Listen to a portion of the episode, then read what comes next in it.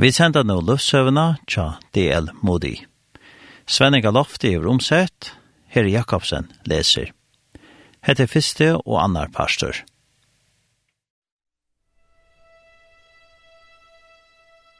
Heimskjente amerikanske pratikumæveren Dwight L. Moody var føtter nærende spøynen Boston og i staten Massachusetts og i 1836 og antaist i 1895.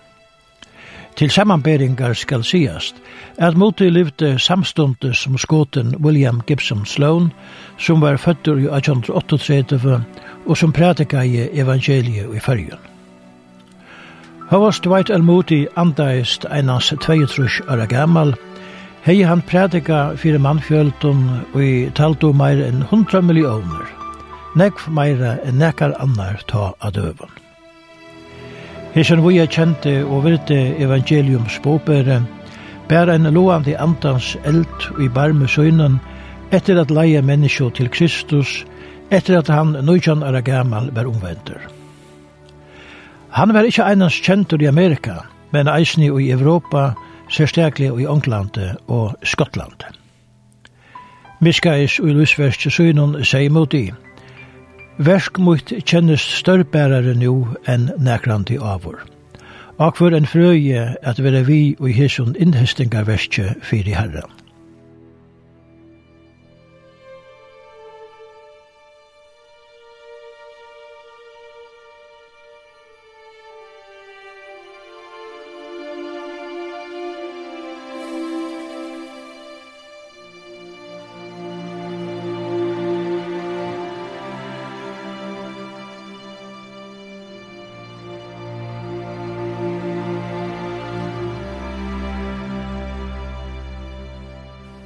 Fyrste pastor.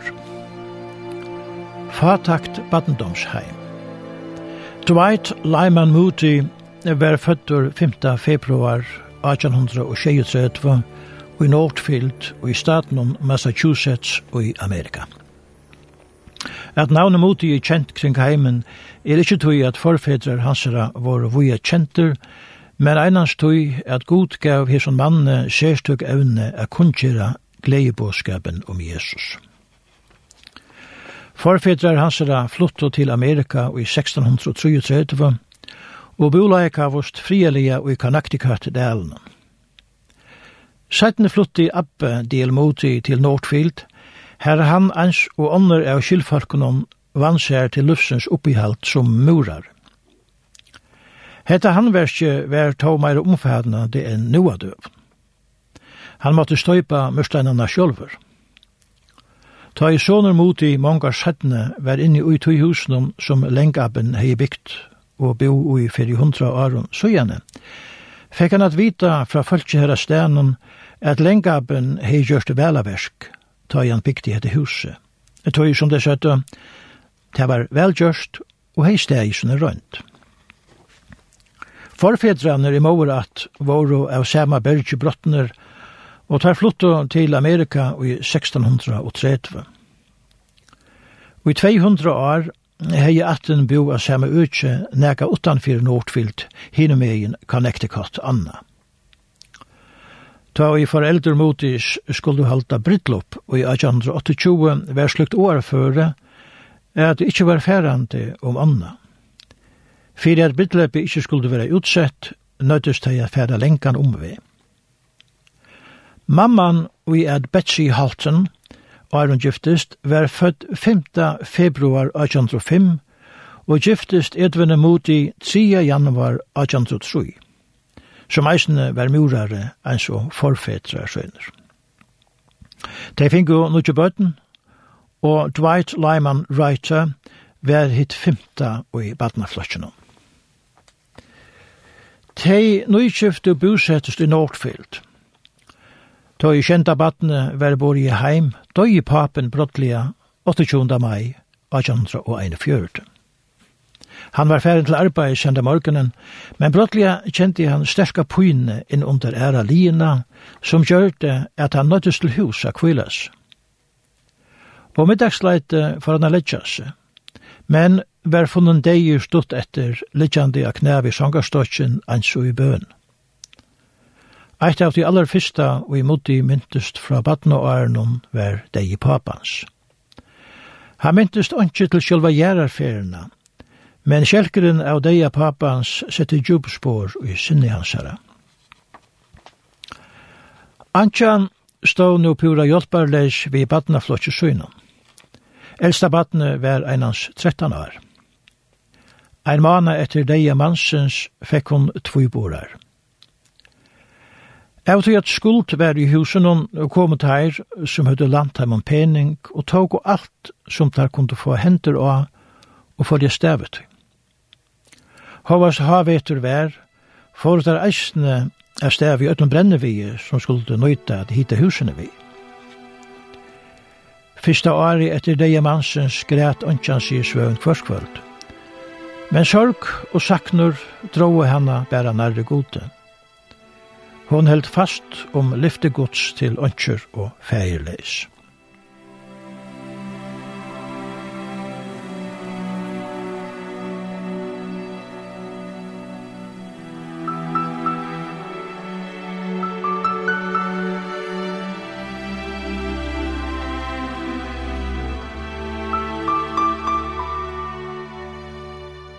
Delmoti myntist at eina fyrir kævarok og nekvar kultu måtte han og syskjene fære under døgnen og halde hit han. Men så kom en mammabatje ved Rossavåkne, fotlen av Brenneveie, så at hei kunne sida fjolt innan vetja. Hedda bjerga i teimen ur ringkaste negin. Lyti er god, plade mamman kvente a sige vi bøtensøyn. Hetta var eisne einasta gongta lei hennar. Begge skyldfolk og viner rådde henne fra at færa fra huset og heime, og at leta bøttene færa til gå folk av vera. Svær henne det vær, så langt i hever tvær henter at arbeida vi, skulle ønske av bøttene færa til ånder av vera. ikke henne til bøttene, fora i henne fire hesen. Ta og hon hei ått tvirboranar var i utlytne fire at hon kunde breifå av bøtten noen verre enn ekran tog. Hon var snøkker at han eldste var færne ut av arbeid. Men alet jeg god var henne nå mykje. Onkje er meira naturligt enn at en mauer er tjo av bøtten og søgnum. Han som føyer foklanar og klæger liljenar er eisne føre fyrir at utvia onkjon og feireleisjon til og til man tørvar. Særsteklega var det mannbætjen Cyrus som fer etter fer gjørdist tæra bjergjengar mever. Eisen en prester i Nordfield var avfører ta i galt om å få hyskjene om det og ta med tørvei. Moti og syskjene Jinko Dulia og i sundagsskola. De rundt og eisen jeg få ånder visser, og moti var såstatt langt i badna og aron antallia visskjen og i sundagsskolan. Bøtnene lærte samståndes nøgtskjeme, og at under øren til og til sjølve høtt og fyrir neiene. Eit kvöld ta i til skulle setas til bors, kom en fatakur mever inna gulvet. Han bæt te gjeve seg til eta. Mamma spurte bøtnene om de ville gjeve henne sinde borster av, og et ljott av. Vi glede gav til hisen manne, og var slutet vær at lete av hovast fatakten var stor, gramte desi omkanti om etta. Bæje og i mover og feir at var alvarsemi og strengla ikkje eitkjenne fyrir andaligare oppfostra. Bøtnene var rattleit, ta i det hadde kjørt okkur skreft, og måtte seg eisne at han var fegin om hans rattleingar. Og i atler fataktene og trobeleikon er breffa fem bøtnen under tølv år, Vær heime honalet og fjolt. Ta i papen andaist megna i mauren korsene er skiba Sofire, at öll bøtnene kunde vera tjåene. Vanliga fingu te ikkje løyvi at færa i ånder hus, men öll bøtnene slopp i heim til tarra a spela. Her var alt ljomur av leikande bøtnene. Leierkvöld kom og tei av bøtnene heim som arbeid og ærestan. Sånne det er får de öll tverferer til godstjenest og i sundagsskola. Fyrir ikkje sluta skekvanar kjengu til skåles. Håsur og skekvar høttet teg i håndene og laude seg ikkje ui fyrir teg kom at kyrkjene. Strevet kunne være sida lurste etter langkont prætikon, som det kanskje ikkje skilte så nekve av. Måte sier settene at anker du sovna i han, men ta bea presteren anker vekjan, Han helt å vera miskunna lest at vera plavaur av lenkare prætiko etter 60 straunon arbeid. Men han helt korsne at han og henda hatt hei finnje en gåan bæna som han ongan tog slepte. At han og i ungdommesynen lorsta i så nekk etter året gos for årsøkjen til, at hetta sættene i løyvenen gjørdes slivande og hjertet hans herre. Mamman iveist ikkje oi, at om hon let bøttensøyne høyra år gods, så får god at nøyta år sutt som et ampo og i håndsøyne er tala til gjørstoterra. Klokkan seks under kvöld slå på bøttene atter a spela. Etla får mamman at lesa fyrir teimen ur boken som tei høyde lant til sundagsskolan. Og henda hatt mynda i henda fatleka ønska eit godt heim fyrir bøttensøyne. Et heim som de elska og alt luiv. Henda karlagsfodla mamman var eisne fevnt av karlaika og viring batna søyna til hun andaist halvfems åra gommel. Seinast og årene boe mamman Jamoti. Ta han var av ve til Nordfield av Ferundsøynon, benka i hjertet hans er av langsle etter heimenon og mammene. Og ta han i skuimingene narskaist husenon, og Leita og eie hansara alltid fyrst etter kamerslokkanen tja kære oversyn.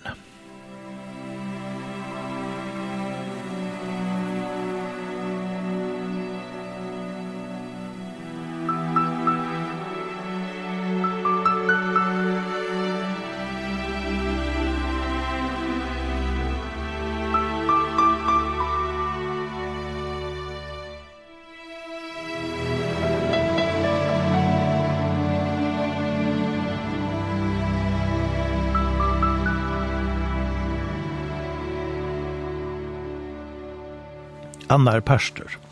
Skolagångt. Del moti var einans fem år gammal ta i hanna fyrsta sinne ansamadler for affær. Han hei sett seg fyri at vitja omsøyna. Han åtti ikkje meir enn helmingen av typeninje i ferien kostdeie, men for til gongko, og hovast han satt a sia ikkje orska i a genka atlan henta lenga tegnen. Ta i postmævring kom køyrande vi rossavåknanon, som var fotler av imuskon vedføre, spurte Mutti om han kunde sleppa vi. Fyrir ta syndri av peninge som Mutti hei oppi aser, fekk han løyvi at sita av viastoppen og i våknanon. Ikkje sørt erren vær han, ta i han om suger stå i tonen tja omene. Ta i han skuldi heimatur, låte til han ikkje fære og sent av det to det hildu han skulde til gongo atlan vegin no han omgan penik hei. Men lutle motti hei lengst siden lagt atlaner a sleppa heim atter til Nord for fylt og i Rossavåknen og tja postmannen. Han far ut av bøyen og sauna i saman at blomotisse a djeva postmannen fyrir sleppa vi, og hetta etnaist. Så kom tøyen ta imot i skuld i skola. Ta våre skolabøten refsa likamlega fyrir løyti og latt, og ta imot i vel lovlige drankor, var han ofta refsa over. Men så kom en nutjør lærer, en konefolk. Hon byrja ved bøn hver morgen, og hette hei størst arin av bøtnene. Men en bilsnare gjørdes tei, i det væren av oss, at hun ikke refsa i til likamlige. Jeg tror at Moti hei ilt vi at lia seg etter reklun skolans, var han nøtter at sida etter, ansamadler, etter at hine var færendelig hus. Han hei vant av få flontsjona, men i stegin sette lærerindan seg tjonen og tala i blutliga til hans og seie at hon var ekkelig hørm om etbor hans herre. At få slukka omsorgan kjentest verri enn at være flongtur. Men enn verre vær, ta jo sier vi mot i, Jeg har tidsi avgjør om at kan jeg ikke leie skolan ved karlæka, så at jeg mer djevast. Men da må jeg ikke flonja bøtten. Er så gove med så røyn at halda fyrirskipan i skolans, og hjelp til mer vi hinun bøtnanon. Hetta var omvikje kjamotti. Det som skolaskipanen ikkje mekna i, mekna i karlage lærarans. Jeg skal omkant i etter djeva til en tropleikar. Kjera ærer dranger til, skal jeg tekke meg av deimen, sier mot. Lange morgen etter fikk en dronker av at vita. Atler nærmenganer stod som kanus, nu moti verferna hjálpa læreren. Eldste badgen nøttest at teka seg autogjerartegnen og hørte til huset, men hinner måtte leida seg arbeid så kvart som det kom til. Moti fikk arbeid av en bøndagere nega bort fra heimen. Nast eldste badgen fyllte hun alai. Hetta var ein av fyrste døvenen og i november manai. Alt løyve kjent imot i en sørstekan langsel i november manai. Som i kjenslo og samme heimelangsel, som ta han av fyrsta sinne for heimene fra. Ta i tævare komner om ånda gengande i en brøtt og brekken der hinnemegen, vende imot seg av og hukte iver imot i baddendomsheimen. Hjertet hans er var om at bresta. Kanskje for å langt til at komme heimater til sine kære. Sætne sier han, er dette var langst fyr, han akkurat i kjørst og løyven Han var bare tutsjere gammal, og i syrfav favo kilometrene fra heimen tøktes hun noen langere enn ta i hans sætne ferreist kring heimen. Ta i der kom til bygdena her han skulle arbeida, vær han om at bresta og grat. Så badgen nødsta okka han, var han fra heimater. Brottliga peikar badgen og en mann, og kommer gengandi og sier, Her kommer en mever og i helst fyrir a djeva ter nugger øyre. Han kjever ötlun i komi her. Meveren var kyrvislir og hare var grøna. E hver er stu? spyr han mot dig. Ti har vi ångane se over. Tu må snøylig være komin her. Hisne gamlen frekkenaist om heimbøyle og omstøver hans herre så han leie han sjelvand i håndsøyna høver mot dis og seie.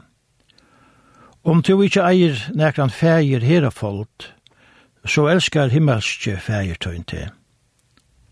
Så gav han mot dine grøyr. Modi sier settene at han minst ikkje hvordan det var fekk og hva han nøyte peningen til, men signingen fra hisen gamla manne fyllte honom alt løyve. Til min dødjande det fer jeg å kjenne karlækshånd hans og høttemøyne. Det kostar så lyd at vise Karlaika. Men slik gjer gjørt og i navnet Jesus her, hever tutning helt inn og i avlækan.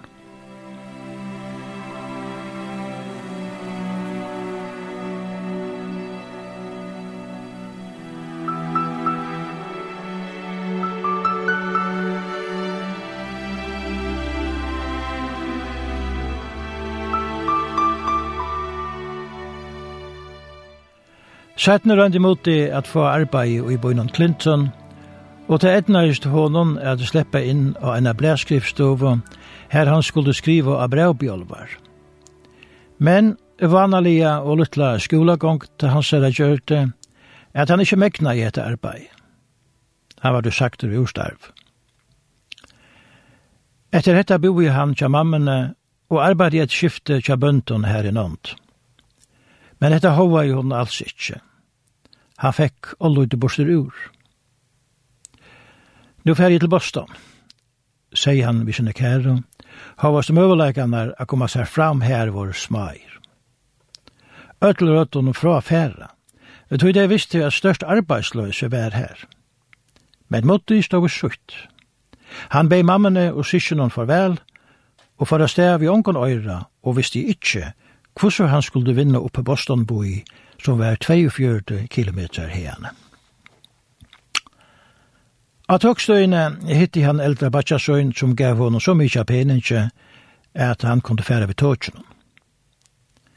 Tvær mamma batsjar motis bo i Boston, men eh, hver kunde han få arbeid? Kvön, der tjekk han om han og nyan etter gøtenom leitande etter arbeid.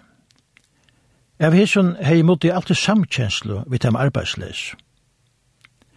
Det var som öll ånder fengt av arbeid, men ønsken ville vi av honom. Ei mykjande og bakst kjendest av hånden hverja for arbeidsgiveren visste hun fra seg. Men hinne vegin luvikaita han, tar jo jonkur seg i vian, men ta ikkje sint ut her, men jeg kan tvi veri ikkje hjelpa her, men mis ikke måte til å fortsette få arbeid. Flere fyrir om dagen får han apostus at vita om neka brev var til hans herre hovast han visste at postur bæra kom eina fyrir om dagen ur Nordfield. Han var ensamattlur og langselen heim var nøyvand. Til endans kom et brev fra Luttel og systrene. Hon skriva i at hon er i fratt at nekvar lommatjåar var i Boston – og heitti jo han hadde ansa seg, og heldt å komme heima etter til Nordfield. Men meður vi tómon lommon, tørver ikkje stora for lomma tjóvon, hos seg han. Til endans hei han mest om i småte, og får han hukse om å slippe seg til New York. Men kostene skulle han røyne enn ein fyr, og får til mamma og bakja søgnar at vita om tar ikkje høtt i okkurt arbeid til hans herre. Hesu fer et i. Ein hei bruk for hon. Hina fyrirferina hei han ikkje tåra a givi no starv, tog jeg at han helt motiver og sjolvklaukan og rinkan at venja opp i lær. Tu kan kom i arbeid, kjømmer, men tu skal gjøre ditt besta. Spyrja, ta du ikkje vast, og gjør meg lyfti om jeg gengur kyrkjo og sundagsskola. Heldur ikkje skal du færa til stø som mamma og tøyn ikkje er vilja du skulle færa. Hugsa om hetta til manadeg, sier mamma bare. Jeg atle mer ikkje at boja til manadeg. Jeg giv deg lyfti om alt dette beina vegin, sier Modi. Så la spyrja i han at arbeid i skåsølene tja mamma bajanon.